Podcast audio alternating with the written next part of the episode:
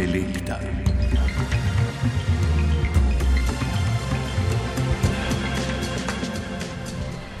Pravica do svobodnega odločanja o rojstvu otrok je zapisana v ustavi, a v zadnjem času se vse bolj postavlja pod vprašaj. Spomnimo na tako imenovani pohod za življenje, ki je pred dobrim tednom dni potekal v Ljubljani. Spomnimo na molitve pred Ljubljansko porodnišnico, spomnimo na nedavni demografski vrh na Mačarskem, ki se ga je udeležil naš premijer, spomnimo na položaj žensk na Polskem, kjer je konzervativna oblast pravico do splava skoraj popolnoma prepovedala. Udejanjanje pravice do splava je v praksi močno oteženo tudi na Hrvaškem. Priče smo aktualnemu dogajanju v Združenih državah Amerike, konkretneje v državi Teksas. O poskusih retradicionalizacije družbe, o napadih na pravice žensk, o patriarhatu, vzrokih in posledicah bomo govorili v tokratni intelekti. Z menoj sta dr. Metka Mencin z Fakultete za družbene vede in dr. Vesna Leskošek z Fakultete za socialno delo. Dobr dan, dobrodošli. Dobr dan. Začnimo z aktualnim. Eh, kako misliti in razumeti shode, ki napadajo pravice žensk? Na kratko, prosim za en tak komentar aktualnega dogajanja, doktorica Metka Mencin. A, jaz jih razumem kot rezultat um, povečane ga političnega vpliva Rimokatoliške cerkve v Sloveniji. Dejansko se je to, Rimokatoliška cerkev je bila tudi v Sloveniji vedno proti uh, abortusu, tudi v času socializma. Ne? Ampak to, kako, uh, m, ampak tako javno, ne, te, do, do uh, osamosvojitve ni uh, nastopala proti abortusu. Uh, po osamosvojitvi so se dejansko začele množiti inicijative, skupine, ki ne, med drugim uh, v tem zagovoru tradicionalne družine, tradicionalne delitve vlog, uh, pravice zarodka do življenja nasprotujejo praktično vsem reproduktivnim pravicam, ne, ne samo pravici do abortusa, pod vprašaj postavljajo tudi kontracepcijo, tudi skupine v, v Sloveniji, ne, recimo, ne vem, uh, z, um, zavod, eden od teh zavodov, ne, uh, eksplicitno uh, nagovarja ženske, naj uporabljajo uh, tako imenovano naravno kontracepcijo, čež da ta edina ne um, ogroža uh, pravice zarodka do uh, življenja. Doktorica Vesna Leskožek. Uh, ja, meni se zdi to res tako um, zelo kompleksno in um, težko uh, vprašanje. Uh, Eh, teh pohodov, ne? Eh, tudi zato, ker te moderne forme pohodov uporabljajo eh, besednjak, ki je všečen in sicer pohod za življenje, ne? Sej vendarle ne, se, se v tem smislu lahko vsi strinjamo, ne? Vsi podpiramo čim bolj kakovostno, enako blaginjo za vse, čim manj družbenih neenakosti in, in tako naprej, ne? Tako da to uh, življenje, ki je človeka vredno, je seveda nekaj, kar, kar je nedvomljivo. Ne? Ampak vendarle je treba prepoznati, da za, to, za tem imenom pohod za življenje je v bistvu uh, pohod proti pravici do uh, abortusa. In mislim, da je to, da je to celo bistvo, ne? tukaj nam sicer očitajo, ker potem zgleda, kot da se ljudje, ki se zauzemamo za pravico žensk do abortusa, v bistvu borijo borimo proti tem univerzalnim humanim vrednotam življenja. Ne. Eh, tako da se mi zdi, da znajo te eh, moderne oblike eh, takega proti, proti ženskega ravnanja, mizoginega ravnanja po eni strani uporabljati pač besednjak, ki je všečen in tako dobivajo tudi neko legitimiteto. V bistvu gre pa zares za pohode proti abortusu. Doktorica Metka Mencin. Jaz bi mogoče to postavila še v en uh, širši kontekst, uh, ker je uh, Vesna omenila uh, način argumentacije. Uh, zelo pogosto smo zdaj priča uh, trditvam nasprotnikov in nasprotnic, bom kar rekla, pravice do abortusa, uh, čež da slovenska ustava o abortusu sploh ne govori. Češ 55. člen govori zgolj o svobodi odločanja o rojstvu otrok. In a, ob tem bi upozorila, ne, da mislim, da nalašč spregledajo, da a, obstaja tudi a, uradna razlaga 55. člena, ki jo je sprejela ustavna komisija, ko je določala a, vsebino tega ustavnega člena in je a, a, takratna skupščina skupaj z ustavo sprejela tudi to obrazložitev in v obrazložitvi 55. člena med drugim eksplicitno piše tudi to, da svoboda odločanja o rojstvu otrok a, vključuje tudi pravico ženske do abortusa in a, zavezuje državo, da a, ustvarja pogoje za uresničevanje te pravice. Skratka, to je pravzaprav cela, a, cel zaplet ali pa kljub najhujši zaplet v zvezi s prejemanjem ustave bil prav zaradi 55. člena, ki implicitno govori o pravici do abortusa. Zaradi tega mislim, da a, več kot a, tri, oja, okrog 60, več kot 60 poslank in poslancev ustave ni sprejeli zaradi 55, ni podprli zaradi 55. člena in ne, te pravice do abortusa. Skratka, cela ta razprava o 55. členu, to je dokumentirano, govori o tem a, oziroma dokazuje, da 55. člen ne, pač vključuje tudi pravico do abortusa. Drug argument, ki se pa vedno glasneje tudi ne, pojavlja, je pa ta, da je 55. člen v nasprotju z ustavnim členom, ki govori o nedotakljivosti življenja. Ne. Tudi tukaj gre pravzaprav za en pomemben spregled um, ene od značilnosti um, mednarodnega, pa tudi domačega prava, ne, to je to, da postane, gre za načelo, da postane uh, človeško bitje nosil, nosilec pravic šele z rojstvom. Ne, to se mi zdi zelo pomembno uh, povedati, ker gre za, za res za, za eno, gre za manipulacijo. No, tako kot, ne, ko si ti rekla, ne, s tem geslom uh, za življenje, ne, gre za manipulacijo tudi uh, pri interpretaciji uh, ustave. Če zgubimo uh, ustavno podlago oziroma možnost, da se sklicujemo na ustavo, ko zagovarjamo pravico do abortusa, potlej ne, smo seveda v nevarnosti, da to mhm. pravico dejansko tudi zgubimo. Ja, mogoče sam, če, eh, da podprem to, kar praviš, ne, eh, te pravne razlage, kdaj nastane življenje, so pomembne in so del vse zakonodaje. Ja. Tako da to je nekaj, kar eh, je pač nedvomljivo, ne, v to ne moremo dvomiti, da življenje nastane takrat. Pravzaprav človeško bitje je nosilec pravice pravic z uh, rojstvom. Ne more biti pa nosilec pravic prej, ker ne obstaja kot, kot uh, samostojen, neodvisen subjekt. Ne. Mhm.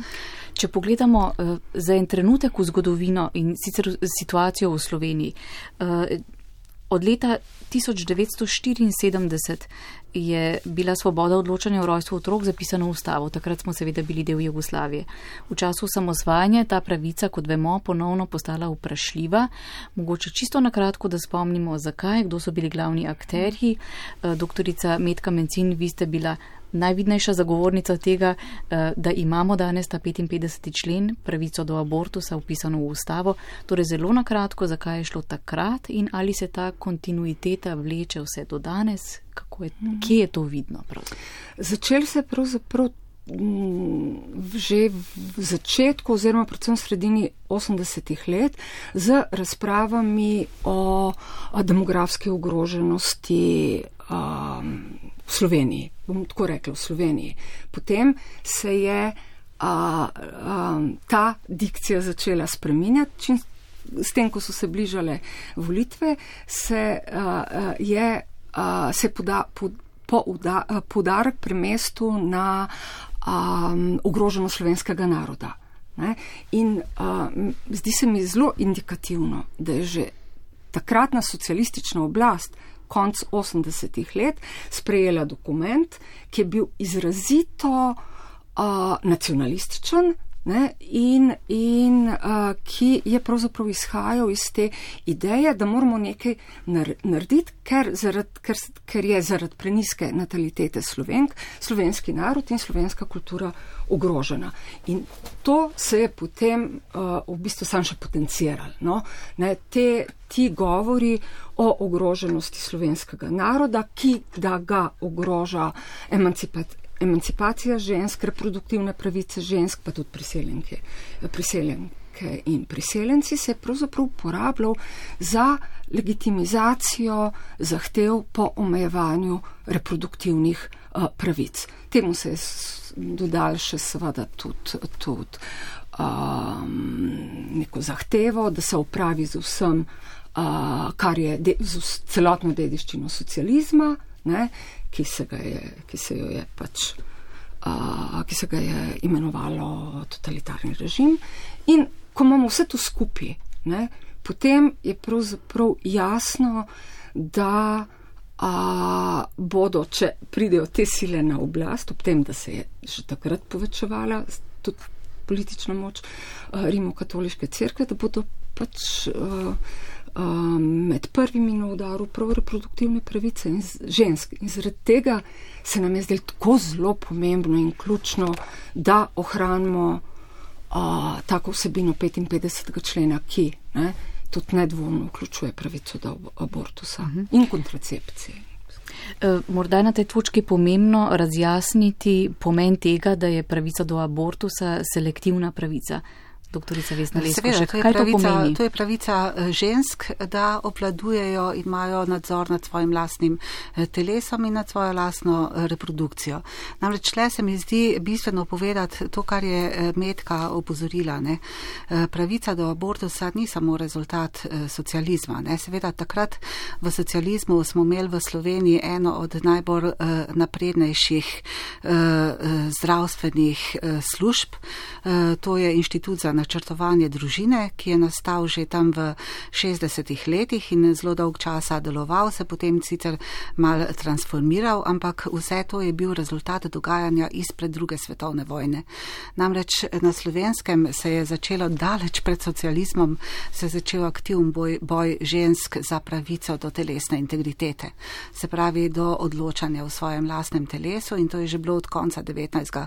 stoletja eh, dalje in, in celotna prva polovica uh, 20. stoletja, tam do približno 70. Eh, let, tudi v času socializma na začetku so imeli še zadržke eh, do legalizacije, popolne legalizacije abortusa, so imeli razne komisije, ki so o tem odločale, šele z ustavo 74. leta smo to eh, prekinali, ampak tudi takrat je bil to svetovni proces, takrat je bila Slovenija z tem konceptom načrtovanja družine zelo upeta v delovanje Združenih narodov, tam je bila vida Tomšič, Tomšič ena od pomembnih eh, ljudi in mi smo se takrat z eh, tem sprejemom takratne eh, zakon, zakonodaje centrirali v zahodni svet ne, z, z takimi ukrepi. Ne. Zdaj mogoče sam še, da uporabim še eno,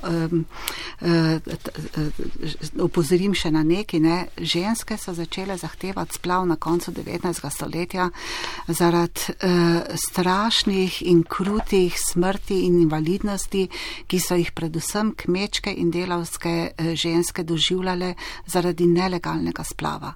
Namreč slepimo se, če mislimo, da s tem, ko bomo splav ukinili, če bomo prepovedali splav, da splava ne bo več. Celotna zadeva in to vidimo povsod po svetu se potem premakne v uh, nelegalno, v upravljanje nelegalnih uh, splavov, abortusov, ki so seveda blazno nevarni, povzročajo smrti in povzročajo zares težke in globoke invalidnosti žensk in seveda uh, zelo velik naporov, uh, za to, da ga sploh lahko uh, opravijo. Ne. In uh, pravico do abortusa, abortusa, delno pravico do abortusa smo pri nas dobili že leta 1937, uh, ravno zaradi spoznanja kaj vse nelegalni abortus ženskam povzroča. In to bi lahko, to moramo gledati kot neko civilizacijsko, počasno, dlje časa trajajočo civilizacijsko pridobitev, ki nastaja iz tega humanizma, bi rekla, ne, iz nekega humanega, humanega odnosa do žensk in do, do trpljenja, ki jim ga povzroča nemožnost abortusa.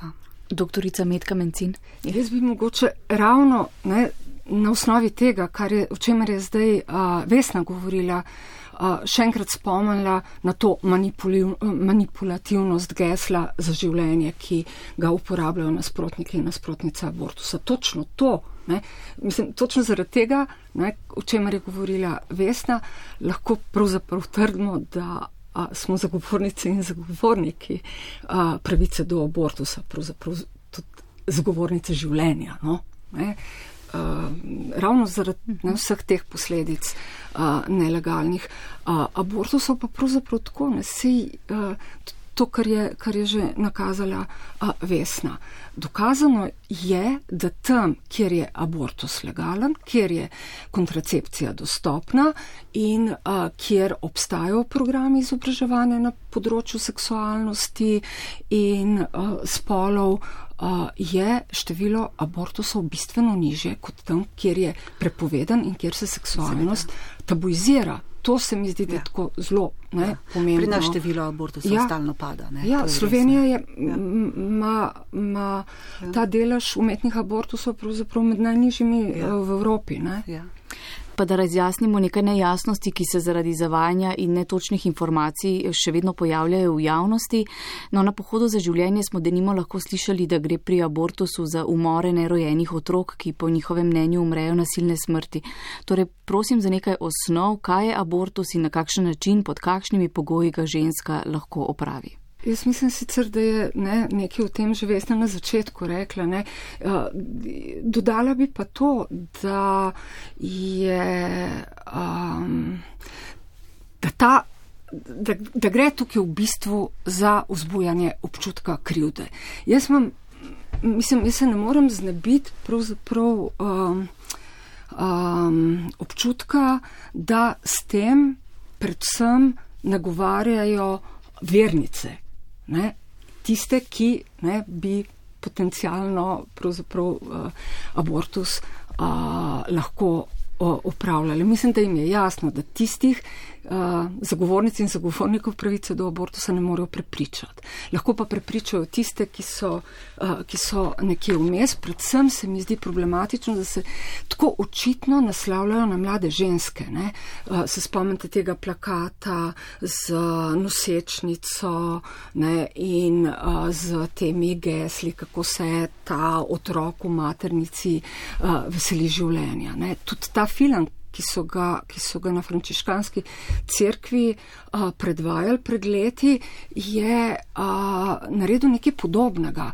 Uh, v bistvu se je film končal s fotografijo uh, visoko noseče ženske uh, uh, z napisom za življenje. To implicira pravzaprav, da se abortusi izvajajo tudi v visoki nosečnosti. To se mi zdi, da ja. je eden ključnih, kar seveda ne, ne drži. Ja. Manipulativnih, propagandnih ja, ja. prijemov. Ja, to seveda ne drži. Ne. Abortus ja. se lahko upravi do desetega uh, tedna nosečnosti, po tistem pa samo v izjemnih primerjih, uh, kjer so še vedno presoja zdravstveno osebje uh, upravičenost ali pa možnost upravljanja abortusa po desetem tednu, pa, pa ne. ne.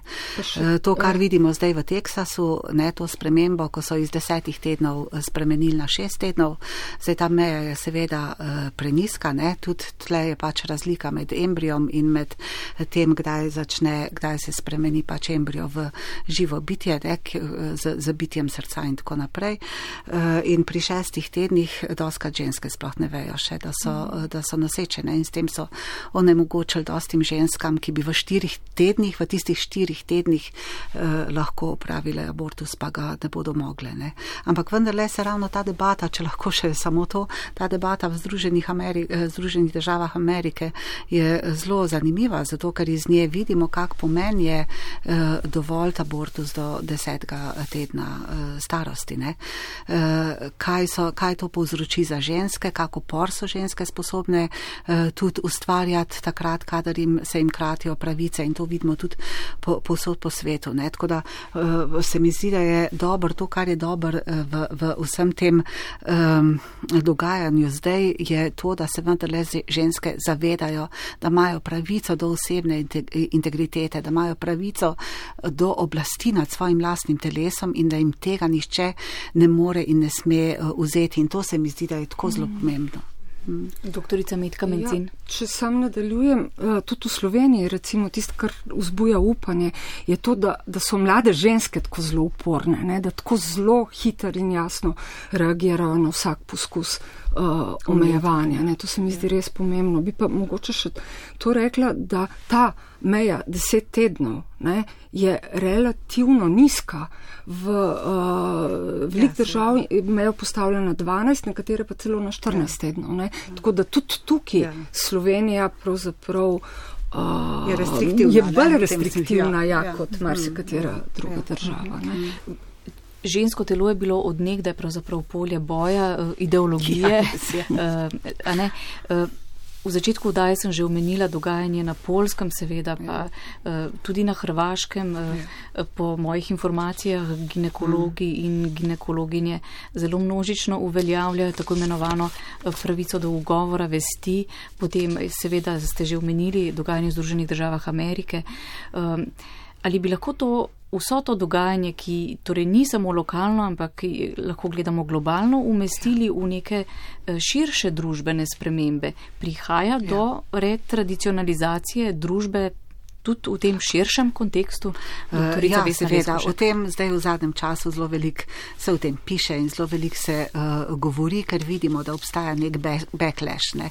uh, se pravi nek, nek povratni učinek bojev in pridobivanja pravic, uh, kjer se nam javno življenje, kjer se nam naše življenje vedno bolj krči in reducira. Uh, vedno bolj se delimo na prave in neprave in to vidimo tudi recimo v teh naših političnih dogajanjih v, v zadnjem času. Ne. Tudi te organi represije postajajo vedno bolj uh, strogi, vedno bolj rigorozni, vedno bolj uh, uporabljajo orožje recimo in razne, razne mislim, za, za represiranje svobode nastopanja in delovanja in tako naprej. In sploh je recimo ta boj proti, proti en, enakosti enakosti med spoli, ne med spolom, ampak med spoli, zelo aktiven. Recimo eh, poročilo, eh, eno od poročil eh, ene posebne skupine, mislim, da imate vi tudi ime tega poročila, mi je zdaj šel iz glave, govori tudi o strašno velikih finančnih sredstvih, ki jih dobivajo razno razne skupine, ki se borijo proti spolnim enakostim, proti abortusom in tako naprej, so zelo bogato financirane in sicer ima imam zapisan podatek, da je od leta 2009 dalje so prejele 700 eh, milijonov eh, evrov. Eh, za te svoje eh, aktivnosti proti enakosti spolov, od tega recimo 180 milijonov iz Rusije, 80 eh, milijonov iz Združenih držav Amerike in tam okoli 430 milijonov iz raznih evropskih inštitucij. Seveda so potem zale še neki posamezniki in neke manjši iz različnih držav sveta. Tako da so to zares ogromna sredstva, ki se namenoma, namenoma namenoma uh, uh, na nek način kolonizirajo civilizacijske uh, pridobitve, zato da bi seveda jasno je to, je zadaj moč kapitala in, in uh, računice o tem, kako podrediti in podjarmiti ljudi, zato da seveda dobiš, da lahko svoje profite oplajaš. Ne? Tako da tu so, tu so stvari jasne. Te, te kampanje so v službi kapitala, to je jasno. Ja, gre za najnovejše poročilo Evropskega parlamentarnega foruma za spolne in reproduktivne pravice. To poročilo poročilo je šlo julija letos, preberemo lahko, ja, da se je financiranje mreže in dejavnosti proti pravicam žensk v Evropski uniji v zadnjem letu povečalo za kar štirikrat. Govorimo o 96 milijonih ameriških dolarjev. Mhm. To so velike številke, no, če lahko tako po domače rečem, doktorica Medka Mencin. Jaz bi sam en kratek komentar ne, ja. uh, dodala. To pravzaprav pojasnjuje učinkovitost, pogostost, dobro organiziranost uh, inicijativ in kampanj. Uh, ja. Proti abortusu. Pač, in, seveda, vse se lahko dobro organizirajo, ja, če imaš taka sredstva. Ne, ne. Pa, pa za, ja. ni, za njimi stoji pač močna ja, organizacija, seveda. ki ima ja. posod nekak ne svoje, svoje izpostave. Ja. Bi pa s tem dodala vendarle še nekaj, ne, da a, razen tega, kar je res izjemno pomembno, ne, a, je za upozoriti tudi na politike, ki mogoče zgledajo manj nevarne. Ne, oziroma ki celo izgledajo kot politike, ki zagovarjajo pravice uh, žensk. Um, Omenila bom politiko gender mainstreaminga. Ja. To je sicer, ne, gre za politiko Evropske unije, ki ima ne, tak svetov cilj vzpostavljen, vzpostaviti enakost, ne glede na spol oziroma enakost moških in žensk. Problem teh, kamp, teh, teh politik je, da pravzaprav samo štejejo telesa označena kot moška in ženska na določenih pozicijah. Ne. Feministične kritike upozarjajo na to, da od tega, te politike gender mainstreaminga pridobivajo pravzaprav samo, samo ženske srednjih in višjih slojev. Poza, ja. ed, eden od ključnih problemov, ne, znotraj katerega pač se izpostavi tudi problem reproduktivnih pravic, je problem neenakosti. Ne, ne glede na to, da ma, če, ma, če je, če je a, ne vem, abortus brezplačen. Vpraša, vedno je tukaj tudi vprašanje dostopa do informacij. Skratka, tudi. A, To je povezano še z enim drugim problemom. Namreč ne, ta ista politika evropska, ki zagovarja gender mainstreaming, zagovarja tudi vidko državo. Pač, ne, ja. Z nekimi mehkimi, recimo, um, izjemami. Ne. Ampak, ko gre, če ta imperativ vidke države, je pravzaprav imperativ, ki zelo hiter zadene, prizadene pravice družbenih manjšin. Tistih, ki nimajo zadost moči, da bi se za svoje eh, pravice borile, zaradi tega, ker se zmanjševanje pravic manjšin interpretira kot nekaj, kar pač moramo sprejeti v korist celotnega prebivalstva ali pa v korist naroda, kakorkoli že ne. To se mi zdi, ne, tak problem, kako zelo hiter neke liberalne politike, ki sicer sprejemajo pravico do abortusa, lahko stopijo v koaliciji s temi tradicionalističnimi politikami, ki prepovedujejo abortus, uh, z argumentacijo, pač moramo stisniti zobe, ne, da kriza mine, potem boste pa spet dobili pravice mhm. nazaj. Doktorica, lahko, lahko samo tle dodam, ker si me spomnila na ta poskus eh, plačljive kontracepcije, ja. uh, pri nas, ki je bil točno iz teh razlogov, ki jih ti praviš, ne? Uh, da imamo, da, da če je neki zaston, potem, ma, potem je občutek, kot da delamo s tem kot slabo, ne? bi mhm. rekla, da ne rečem kot svinja z mehom. Uh, da je seveda eh, in da je treba plačevati, eh, zato da pokažemo nek odnos do, do tega. Ne. Eh, plačljiva kontracepcija, ne glede na to, ali bi moral plačati enega ali deset evrov, je za nekoga, ki nima denarja, strašansko ve, ve, veliko breme. Ne. Poleg tega pa seveda erodira pravico, ne. takoj, ko je nekaj plačljivega, erodira pravico. Mogoče samo, če lahko še tle dodam zraven to, jaz mislim, da je vedno dobro govoriti tudi o kontracepciji, ko govorimo o pravici do abortusa. Če pogledamo zgodovinski razvoj eh, pravice, ne, eh, je šel skupaj z kontracepcijo. Ne. Se pravi, to, da smo mi dobili eh, na slovenskem že konc 50-ih eh, let, začetek 60-ih let, to je bilo leto, dve, tri po eh, iznajdbi kontracepcijske tabletke, že tableto tudi pri nas, ne?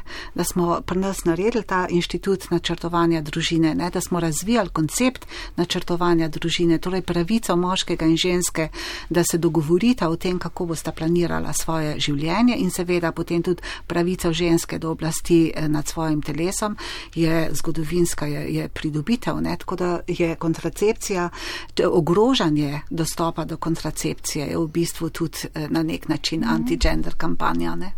In obratno tudi drži, ne, da tisti, ki zagovarjajo restrikcije na področju uh, dostopnosti abortusa, zagovarjajo tudi restrikcije na ja. področju dostopnosti kontracepcije. To se kaže na polskem. Ja. Na polskem je menda samo še kondom dostopen. Ne. Pa še tega je treba plačati. No, mm. Tudi v Sloveniji ne, na zadnje spomnimo na eh, zelo odkrito izjavo eh, poslanca Tonina, da bi bilo po njegovem mnenju treba dostop do splava omejiti. Ja. Ne vem, koliko ja. časa je od te izjave, mislim sicer, da jo je potem ja. nekako demantiral, ja. ampak ja. vendarle torej zelo javno agitiranje. Ja. Ja. Seveda, s tem, da je samo rada bi spomnila ja. pa uh, na uh, uh, odgovor prejšnje predsednice iste stranke, ki je pa rekla, da je sicer intimno ni zagovornica abortusa, da pa spoštuje pravico ženske do telesne integritete. Ne? No, in tukaj ne, je res treba spomniti na to, da obstajajo zelo močna katoliška gibanja za izbiro. Ja. A, tako da, da nima to. Nima toliko pravka z vero kot z nečim drugim, z vprašanjem oblasti. No. Ja. E, to je nekako tudi moje naslednje vprašanje, e, morda malce preprosto, e, naivno, ampak vendarle, kdo s prepovedjo abortusa pridobi, kaj in zakaj? Doktorica Vesna Leskoša. To je zelo, po svoje preprosto, pa zelo zahtevno vprašanje, bi rekla, ker je tako strašansko kompleksno. Namreč prepoved eh, abortusa pomeni zasužnjenje žensk, ne? Vse veste, takoj, ko je, ko je ženska noseča in rodi otroka, eh, je jasno, da je za njega tudi odgovorna, če živi seveda v partnerstvu ali izven partnerstva, ki ni eh, dogovorno partnerstvo, kjer ni razumevanja in tako naprej. Tako da tam, kjer se ljudje razumejo in se lahko sporazumejo, eh, tam verjetno ni težav, ampak težave so takrat, kadar, kadar tega sporazuma ni. Ne?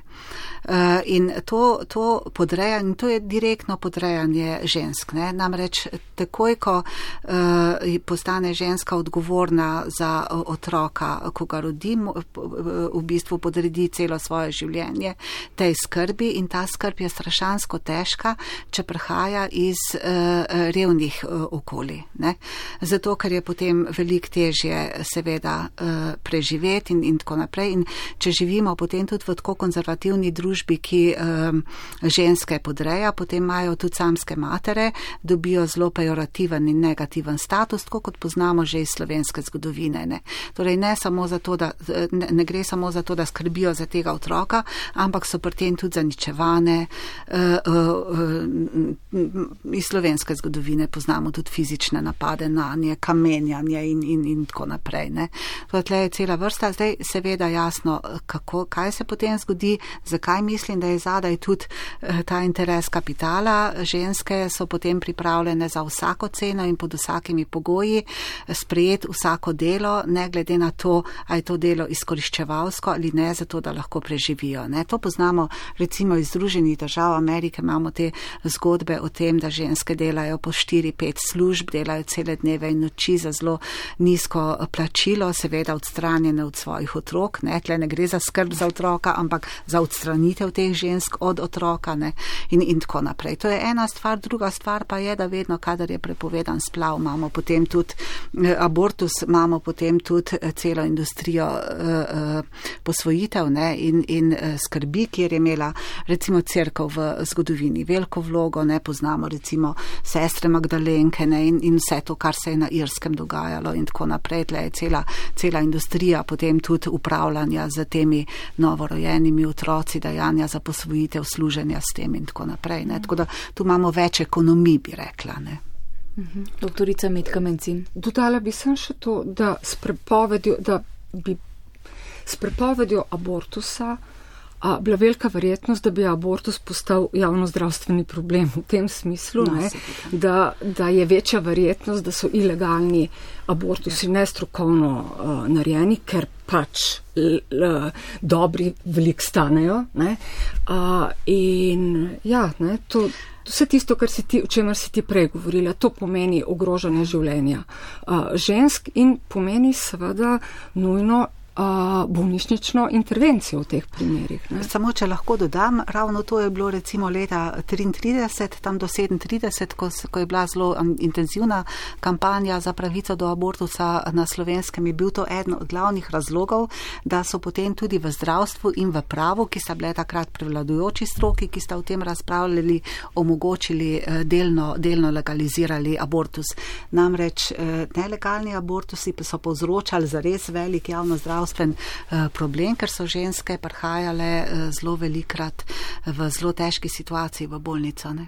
Ni pa, ne bi pa bil javno zdravstveni problem, če življenje žensk pač noč ne šteje. Ne? Tam no, pa ni javno zdravstveni problem. Če se lahko dotaknemo še teme, bom rekla, vrednot eh, patriarhata. Eh, doktorica Vesna Leskošek, prej ste omenili, ženske se zaslužni. Naša kolegica, novinarska kolegica, dopisnica iz Berlina, Polona Fjauš, je že nekaj časa nazaj pripravila dosje o Polski in poročala o tem, da se je tam, odkar državo vodi konzervativna zakon in pravičnost in odkar so povečali povečali socialne dodatke za družine z več otroki. Eh, v samo šestih mesecih 50 eh, tisoč mladih izobraženih žensk odločilo, da pustijo službo in ostanejo doma. Seveda, zdaj to je, eh, lejte, to so take zelo kratkoročne računice, ne, ki izgledajo, recimo, pri nas smo imeli, Medka, če se spomneš, tam v začetku 90-ih let tudi eno pobudo o tem, da bi bil porodniški dopust tri leta ne samo eno leto, ampak da bi bil tri leta. E, takrat so se ženske e, temu zelo, zelo e, uprle, čeprav je bil za mnoge ženske to všečen, e, všečen ukrep. Ne? E, to, da si lahko doma, da prejemaš neko plačilo, da je sicer to, to mehno plačilo, ampak vendarle je, e, ampak vedno znova se izkaže, da že po enem letu porodniškega e, dopusta ženske v sedanjem času zelo težko vstopajo nazaj v trg dela delovne eh, sile eh, in ne eh, malo je primerov, ko nazadujejo na, na lestvici napredovanja. Ne. Ko začenjajo, ko po enem letu pridejo nazaj, začenjajo znova. Ne. Zato se ženske danes zelo velikrat odločajo za delo od doma v času porodniške, tako da, jim, da, da so vse čas v stiku in da sploh lahko ohranijo svoje delovno mesto. Kaj bi se, le, kaj bi se šele zgodilo, če tri leta ostaneš doma. Ne? Mhm. In recimo to je kratkoročno tudi te ukrepi na polskem, ne? to da za minimalen denar, ne? se veste, to niso, to niso veliki denari, ki, ki jih eh, dobivaš ne? v tem času, se ženske po treh letih ne morejo vrniti potem več na trg delovne sile. Rada bi upozorila še na neki, danes živimo mi v svetu, kjer nimamo več eh, moškega breadwinnerja, mi, mi nimamo več modela moškega oskrbovalca družine. Ne? Zato, da preživiš v današnjem svetu, sta potrebna uh, dva, ki sta zaposlena, ne, zato da družine v redu preživijo. Ne. Temu rečemo model, uh, dvoj, model dvoj, dvojnega zaslužka. V angleščini je to dual earner model, se vedno spomnim na to. Uh, tako da v, v sedanjem svetu, če je to včasih ta tradicionalen model, ne, Eh, še na nek način uspeval, ker so imeli moški veliko večje eh, dohodke ravno na račun eh, družine, ne, kot oskrbovalci družine, je danes to popolnoma nemogoče. Tako da bodo ženske, ki so se na polskem odločale za to, da pustijo službo, seveda imele zelo velike primankljaje. V bodočnosti še na nekaj sem se spomnila, se oproščam, ker sem dolga, uh, na to, da se uh, zelo naše vedenje, naše vedenje v času aktivnega, naše aktivnosti, torej ko smo v času, ko smo lahko zaposleni, zelo pozna po upokojitvi. Namreč pri, v državah, kjer ženske ostajajo doma, da skrbijo za otroke, imamo blazno grozno velik, zelo, zelo veliko eh, pokojninsko vrzel med eh, spoloma. Eh, ženske imajo naprimer na nizozemskem ali v, v Nemčiji naprimer do 50 odstotkov, 45-50 odstotkov nižje pokojnine od, od moških, kar pomeni, da so celo življenje odvisne. Od, od moškega. Ne? In v tem smislu so seveda vsi ti ukrepi, direktni ukrepi podreditve. Mhm.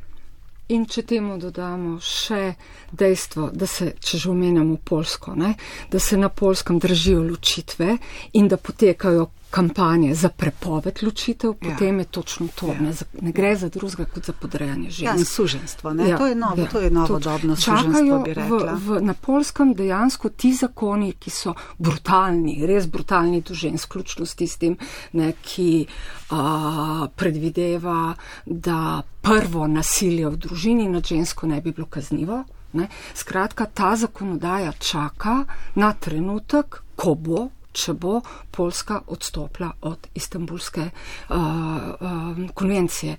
In Poljska zelo aktivno dela na tem, da pridobi uh, druge, vrsto drugih držav za neko novo uh, konvencijo, ki ima delovni naslov Varšavska konvencija. Tudi Slovenija je bila nekako povabljena, povabljena k temu paktu. Spomnimo tudi na to, doktorica Metka Mencin, izrekli ste besedo nasilje.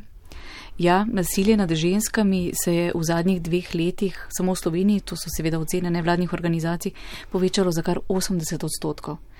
Eh, nasilje je tudi ta skupni imenovalec vsem tem, o čemer danes govorimo. To so napadi na pravice žensk, to je intimno partnersko nasilje. Spomnimo na vse umore, vse te črne številke, ki so v porastu v zadnjem letu. Eh, nasilje je ne nazadnje tudi javni mizogin govor, ki smo mu priča uh, v zadnjih dveh letih. Doktorica Vesna Lesko, ja, še kako so te stvari med seboj povezane?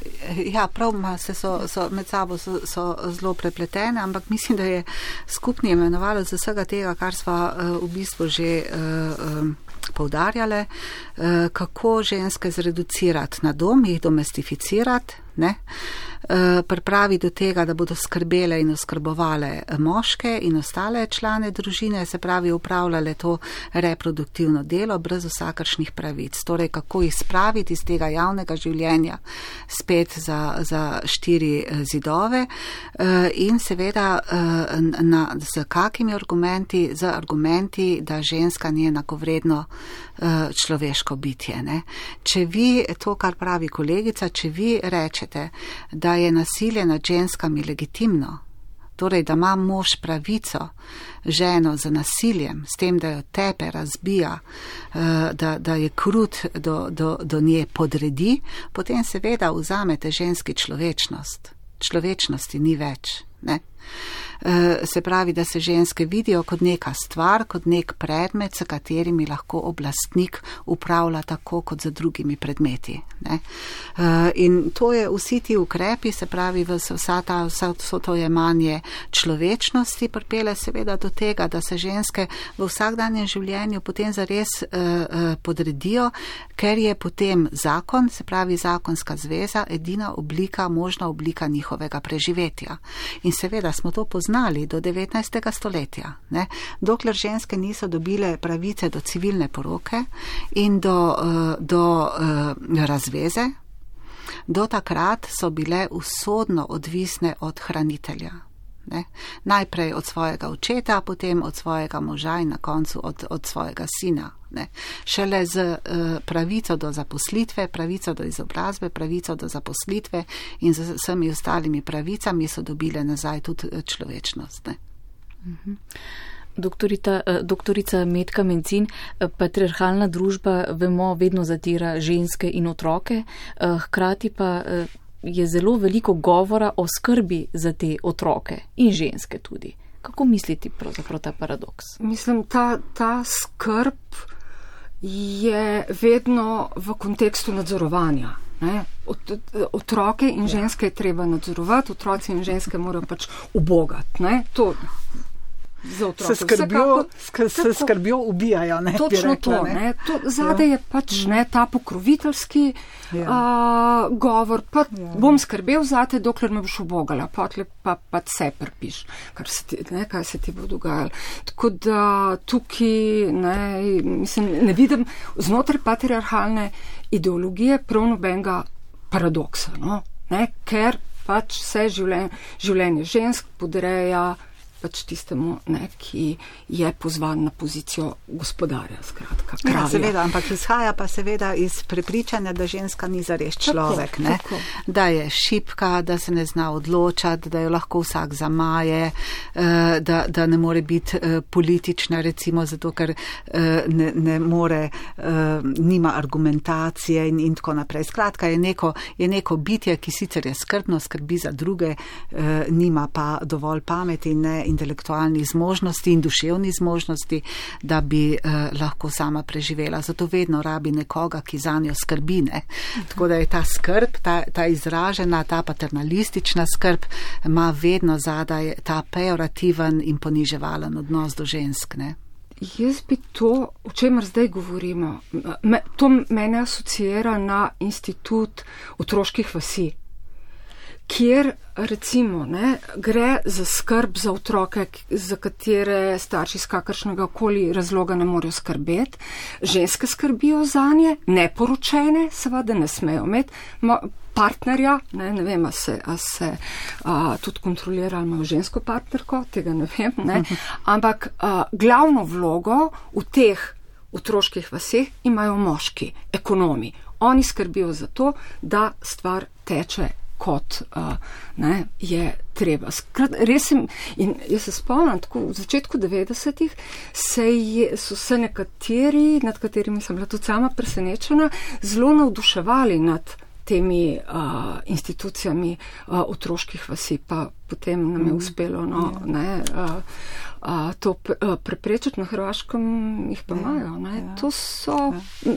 res neke take oblike ne, uh, skupnosti, ki dobivajo veliko podporo in legitimizirajo pravzaprav ta um, način življenja tudi zunaj teh vasi. Doktorica Vizna Leskoša. Uh, mogoče pa vendarle zdaj trenutek dodati to eh, še, še neko novo dimenzijo in sicer, da mislim pa, da smo tudi, da je pa tudi neki, eh, do, da smo pa na nek način, ne čeprav doživljamo to retradicionalizacijo in tako naprej, ampak da doživljamo pa tudi uh, neko, neko uh, ozaveščenost moških, predvsem mladih moških, ki si ne, ne pustijo vzeti več užitka ob tem, da imajo otroke, ne, da skrbijo za otroke, da, da so skrbni, da so čustveni, da so nežni, eh, da, da eh, skratka domujejo, ne? Da, so, da so gospodinje, ne? Eh, da si delijo svoje obveznosti z ženskami in predvsem to, da tudi so sposobni se aktivno vključevati v vzgojo otrok, ne samo v vzgojo, ampak tudi v njegov otroka, ne? moške, ki jemljajo porodniške dopuste zaradi tega, ker hočejo biti za svojim otrokom od, od rojstva dalje in tako naprej. Tako da se mi zdi, da smo zdaj v nekem takem času, ko ne smemo na to tudi pozabiti, ne? da vendarle eh, si, so si moški tudi priborili to pravico do zasebnosti ne? in do, do uh, tega, da so lahko za svojimi otroci. Uh, kar je pa tudi po moje dra, dragoceno. Mm. Uh, tako da se mi zdi, da si oboje in ženske ne bojo pustile vzeti to, kar so sko, skozi zgodovino pridobile, ne? ampak je prav, da si tudi moški ne, ne pustijo vzeti to, kar so si sami skozi nek čas uh, priborili. Ne? In to je pravico do zasebnosti, ki jim bila doskrat tudi njim, njim oduzeta. Ne? Predvsem pa moramo vedeti, da se nekaj poskuša oduzeti. Ja. Problem je to, da se doskrat ne ve ne? in da slučajno zvemo ja. za uh, ukrepe, ki, ne, ja. lahko, uh, ki lahko pripeljejo do tega. Tukaj je res pogrešam uh, vlogo urada za enake možnosti. Ja. Ne, včasih, uh, ko smo imeli še urad za žensko politiko in še pol poznej, je pravzaprav bil ta urad tisti, ki je uh, igral uh, vlogo prvega omejevalca uh, takih ukrepov. Zdaj tega nimamo ne, in je ja. pravzaprav. Ja.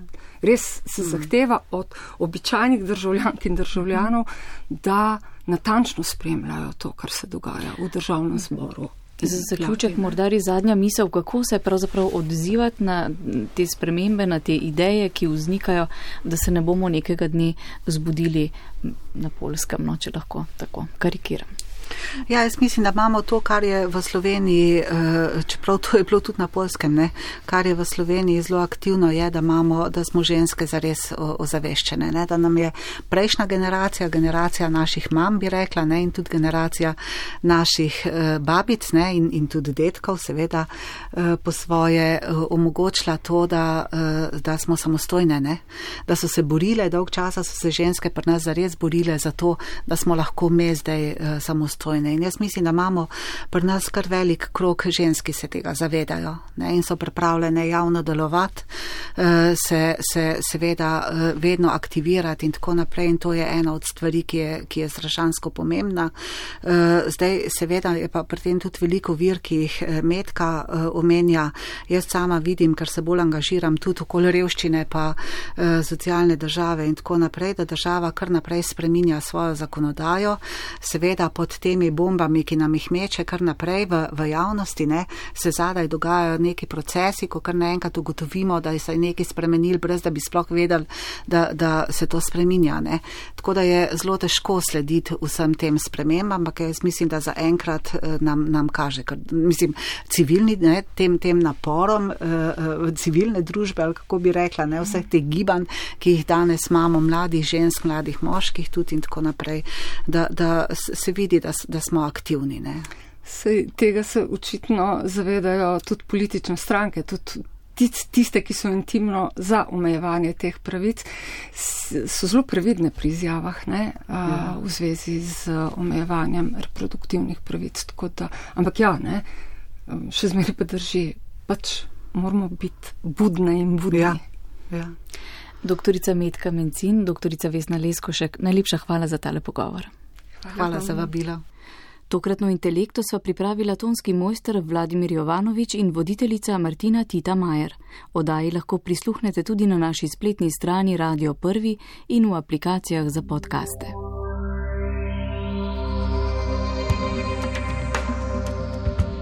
Intelekta.